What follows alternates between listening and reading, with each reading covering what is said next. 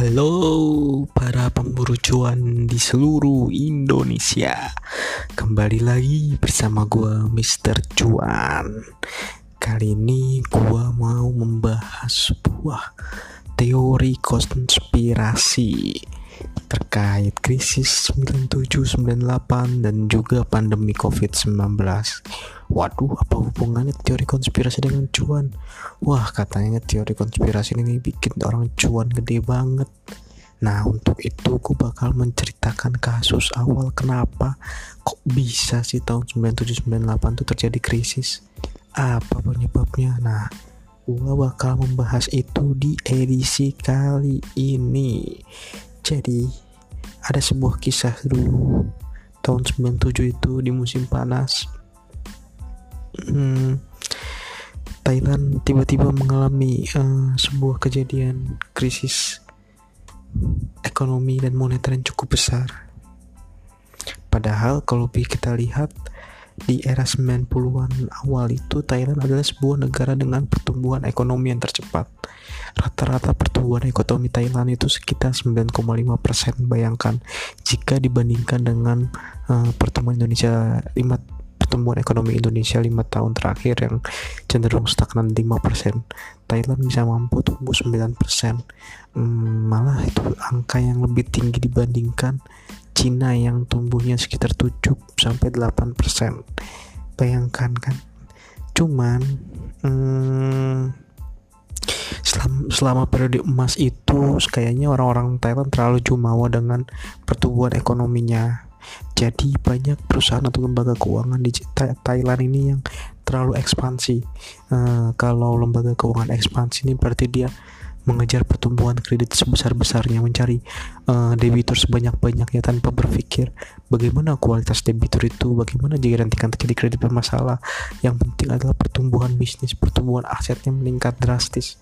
Itu yang terjadi di Thailand pada tahun 90-an dan mayoritas uh, penyaluran kredit diberikan pada kredit konsumsi lalu kredit properti di real estate dan juga ada juga penempatan di saham. Bahkan pinjaman dari uh, portofolio berbagai sektor itu uh, mencatatkan kenaikan 17 kali lipat pada tahun 96 atau bisa dibilang uh, sektor properti konsumsi dan uh, penempatan di saham itu mencapai 54% dari total portofolio mereka berarti sudah hampir setengahnya. Jika misalnya bank-bank di Thailand itu memiliki uh, memiliki uh, total kredit 10 ribu triliun berarti 5 ribu triliun itu ditempatkan kepada kredit konsumsi properti dan penempatan di saham dan saat itu bisa dibilang sangat uh, beresiko tinggi. Kenapa kok beresiko tinggi sih naruh di properti itu?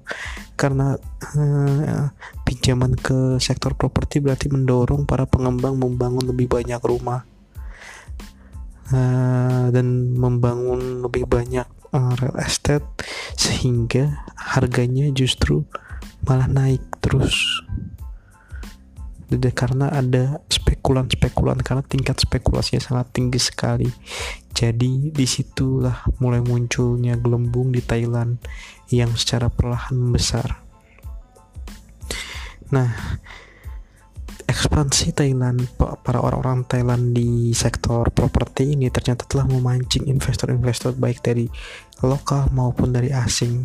Banyak mereka yang membeli properti properti yang dibangun itu atau hmm, ikut melakukan uh, penyumbangan bukan nyumbang apa kasih pinjaman untuk properti dengan tujuan bukan untuk investasi jangka panjang tapi untuk investasi jangka pendek. Karena berharap harga harga properti itu akan langsung naik ketika dia beli sehingga ketika dia jual uh, dia langsung mendapatkan keuntungan. Nah di sinilah mulai muncul tanda-tanda gelembung uh, ekonomi Thailand akan pecah. Harga rumah tanah untuk di Thailand semakin tinggi. Lembaga keuangan pun secara ceroboh menyalurkan kredit ke sektor itu tanpa pikir panjang atau etika untuk menganalisis kredit gitu. Bahkan lembaga keuangan negeri Gajah Putih malah saling bersaing memperebutkan debitur-debitur di sektor itu untuk menjadi yang paling untung di situ.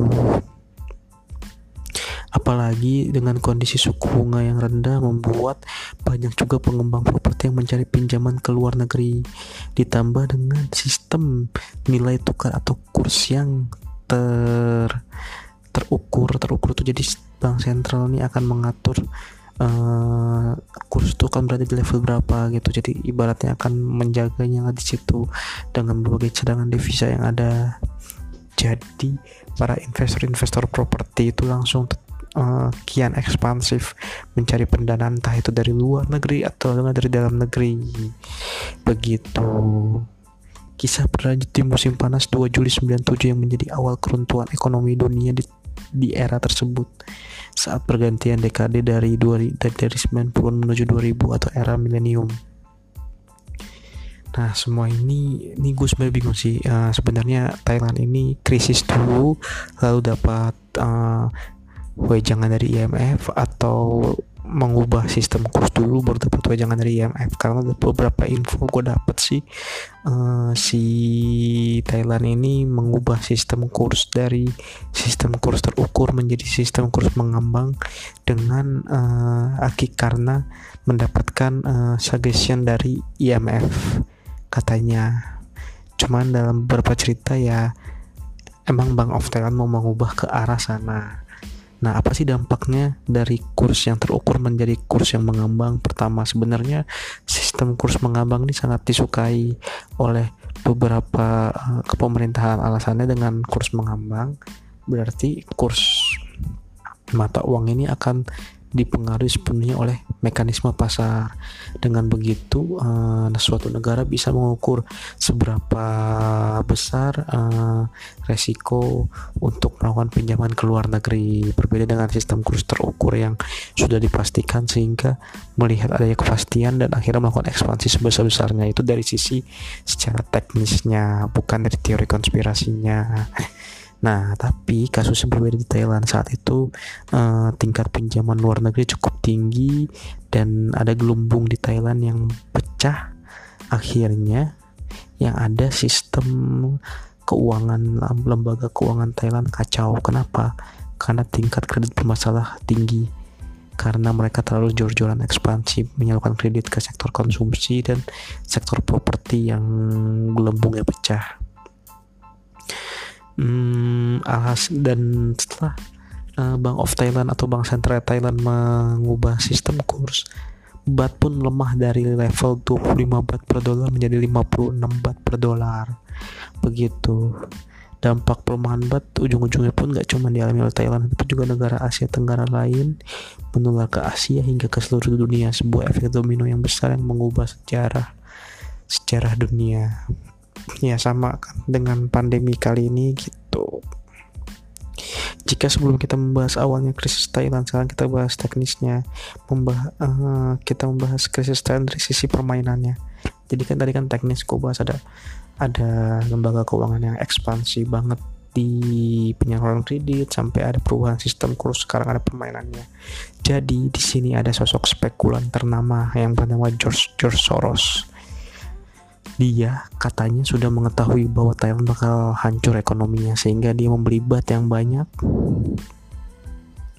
Saat saat masih murah lalu menjualnya di saat harga lagi tinggi gitu. Jadi eh, George Soros ini bisa dibilang adalah pemimpin dari para spekulan-spekulan itu gitu dan George Soros ini sangat dibenci di Thailand karena dia membuat ekonomi negeri Gajah Putih itu porak-poranda. Apalagi dari aksi spekulannya itu dia mendapatkan untung yang besar dengan menghancurkan ekonomi Thailand gitu. Uh, dari ceritanya dia awalnya Soros membeli kontrak berjangka bat lalu dia menjual semua bat yang dimilikinya dan memengaruhi teman-teman spekulan lainnya untuk melakukan aksi jual Kemudian dia mempublikasikan masalah-masalah ekonomi Thailand hingga menciptakan kepanikan di, kalang, di kalangan internasional, termasuk investor-investor Thailand. Alhasil, investor juga banyak yang membuang batnya, sehingga nilai bat hancur lebur tidak karuan. gara-gara Soros Thailand hingga kehilangan Thailand pun kehilangan 30 miliar bat uh, cadangan devisa 30 miliar dolar AS cadangan devisa untuk menjaga nilai kurs bat agar terjaga karena kan uh, Bank of Thailand sudah melepas sistem kursnya menjadi mengambang sehingga hmm, kurs ini untuk bergerak dengan mekanisme pasar. Tapi di situ ada seorang George Soros dan teman-temannya yang mengatur agar bat terus melemah. Begitu meskipun sosok Soros ini dinilai menjadi tokoh antagonis di Thailand, cuman beberapa orang kaya di Thailand justru malah menganggapnya sebagai tokoh protagonis. Kenapa? Karena George Soros memberikan uh, bocoran kepada mereka, jadi mereka memberi George Soros dan kawan-kawan memberitahu kalau ekonomi Thailand akan hancur, bat akan melemah parah jadi kalian melakukan aksi yang inilah biar kalian mendapatkan untung gitu. Nah salah satu tokoh yang mendapatkan uh, keuntungan dari George Soros itu adalah Taksin Sinawarta.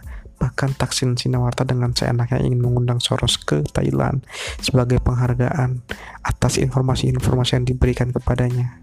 Itu gila banget sih Taksin ini lalu apa ya?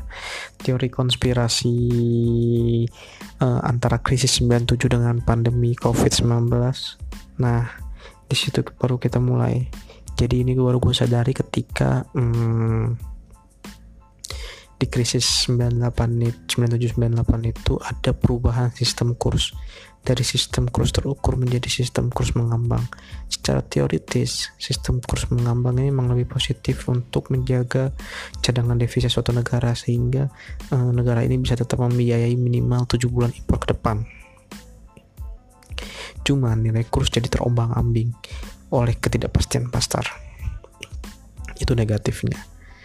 Nah, bisa dibilang sistem kurs mengambang ini sebenarnya sudah diadopsi sejak tahun pasca uh, Amerika mengalami depresi dan membangun IMF atau Tri Bretton Woods, IMF, WTO dan World Bank. Di situ sudah mulai ada uh, skema kurs mengambang terutama dolar versus emas. Namun di tahun 70-an negara-negara berkembang masih berkukuh untuk menggunakan sistem kurs terukur gitu. Sehingga uh, bukan sehingga sih kok kalimatku salah penghubungan dan di tahun 1980 dimulailah peralihan dari sistem kurs mengambang ke sistem kurs eh dari sistem kurs terukur menjadi sistem kurs mengambang. Nah, di sini mungkin Soros sudah melihat mayoritas negara berkembang sudah beralih ke kurs mengambang. Artinya uh, sudah dalam hitungan hari beberapa negara yang memiliki pertumbuhan ekonominya tinggi karena menggunakan kurs terukur pasti bisa langsung goyah karena dia bakal mengubah sistem kursnya menjadi mengambang.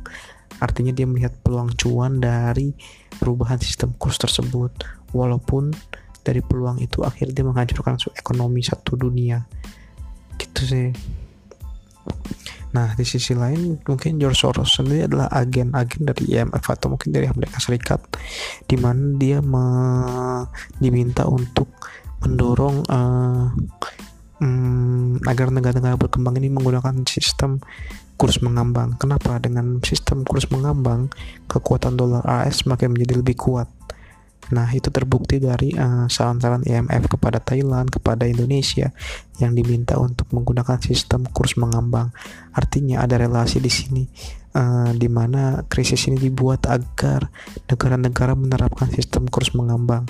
Nah, negara-negara yang masih berkukuh tidak menggunakan sistem kurs mengambang di porak-porandakannya dengan dengan krisis tersebut gitu.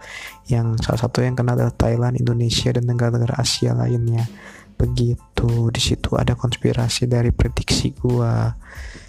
Nah lalu apa hubungannya dengan uh, pandemi COVID-19 nah kehancuran uh, krisis 9798 sendiri terjadi karena uh, sistem keuangan sistem moneter dan tatanan negara yang belum cukup kokoh di negara emerging market gitu di situ ada celah untuk memporak-poranda dan mengarah dan mengarahkan ke uh, ke sana. Menggunakan apa namanya uh, channel krisis tersebut. Lalu hmm, bagaimana dengan pandemi? Di pandemi COVID-19 ini kita diperlihatkan bagaimana bobroknya sistem kesehatan di Indonesia ternyata sistem kesehatan di Indonesia tidak se bagus bukan di Indonesia di dunia tidak sekokoh itu. Bahkan di negara maju pun kewalahan dalam menangani COVID-19 dan dampak COVID-19 cukup besar hingga ke perekonomian. Bahkan tadi gue ngobrol dengan uh, seorang rekan kerja yang cukup senior dan merasakan krisis 98 dia mengatakan kondisi saat ini bisa dibilang lebih parah dibandingkan krisis 98 kenapa? karena orang tidak bisa bekerja, semua melakukan jaga jarak, tidak berkumpul, tidak belanja. Hmm, dampaknya ya pendapatan-pendapatan pedagang UMKM eh, menurun gitu. Nah, berbeda dengan waktu tahun 98 di mana UMKM yang justru berkuasa karena yang kena imbasnya adalah korporasi-korporasi yang memiliki utang-utang luar negeri. Nah, untuk saat ini yang kena terimbasnya adalah UMKM di mana UMKM tidak bisa bergerak apa-apa dengan kondisi eh, semuanya harus hmm, di rumah aja dan sebagainya gitu walaupun masih tetap ada peluang lewat belanja online dan sebagainya cuman ada bisnis-bisnis UMKM yang bakal mati terutama di pariwisata dan sebagainya gitu loh. Nah di sini seperti ada sebuah arah baru di dekade baru untuk membuat agar hmm, agar ada perubahan perilaku ekonomi atau sebagainya gitu yang gue nggak tahu itu. Dan mungkin ada pihak-pihak yang diuntungkan dari kejadian ini. Walaupun banyak teori-teori konspirasi dari ada sosok Bill Gates yang mengambil keuntungan sampai ada Amerika yang melempar isu kalau Cina yang sengaja menyebarkan virus sampai uh, apa namanya Cina yang bilang Amerika justru yang menyebabkan virus. Nah itu kita nggak tahu siapa sebenarnya diuntungkan dari pandemi ini. Mungkin tetap ada relasinya dengan krisis yang terjadi di tahun 1998 di mana ada dua sudut pandang dari segi teknis dan segi permainan. Nah, kita nggak tahu itu semua. Mungkin kalian bisa menjawab menjawabnya sendiri dengan analisis masing-masing dan dari Mr. Cuan sih cukup segitu aja. Selamat malam, sampai jumpa di episode episode berikutnya ya. Dadah.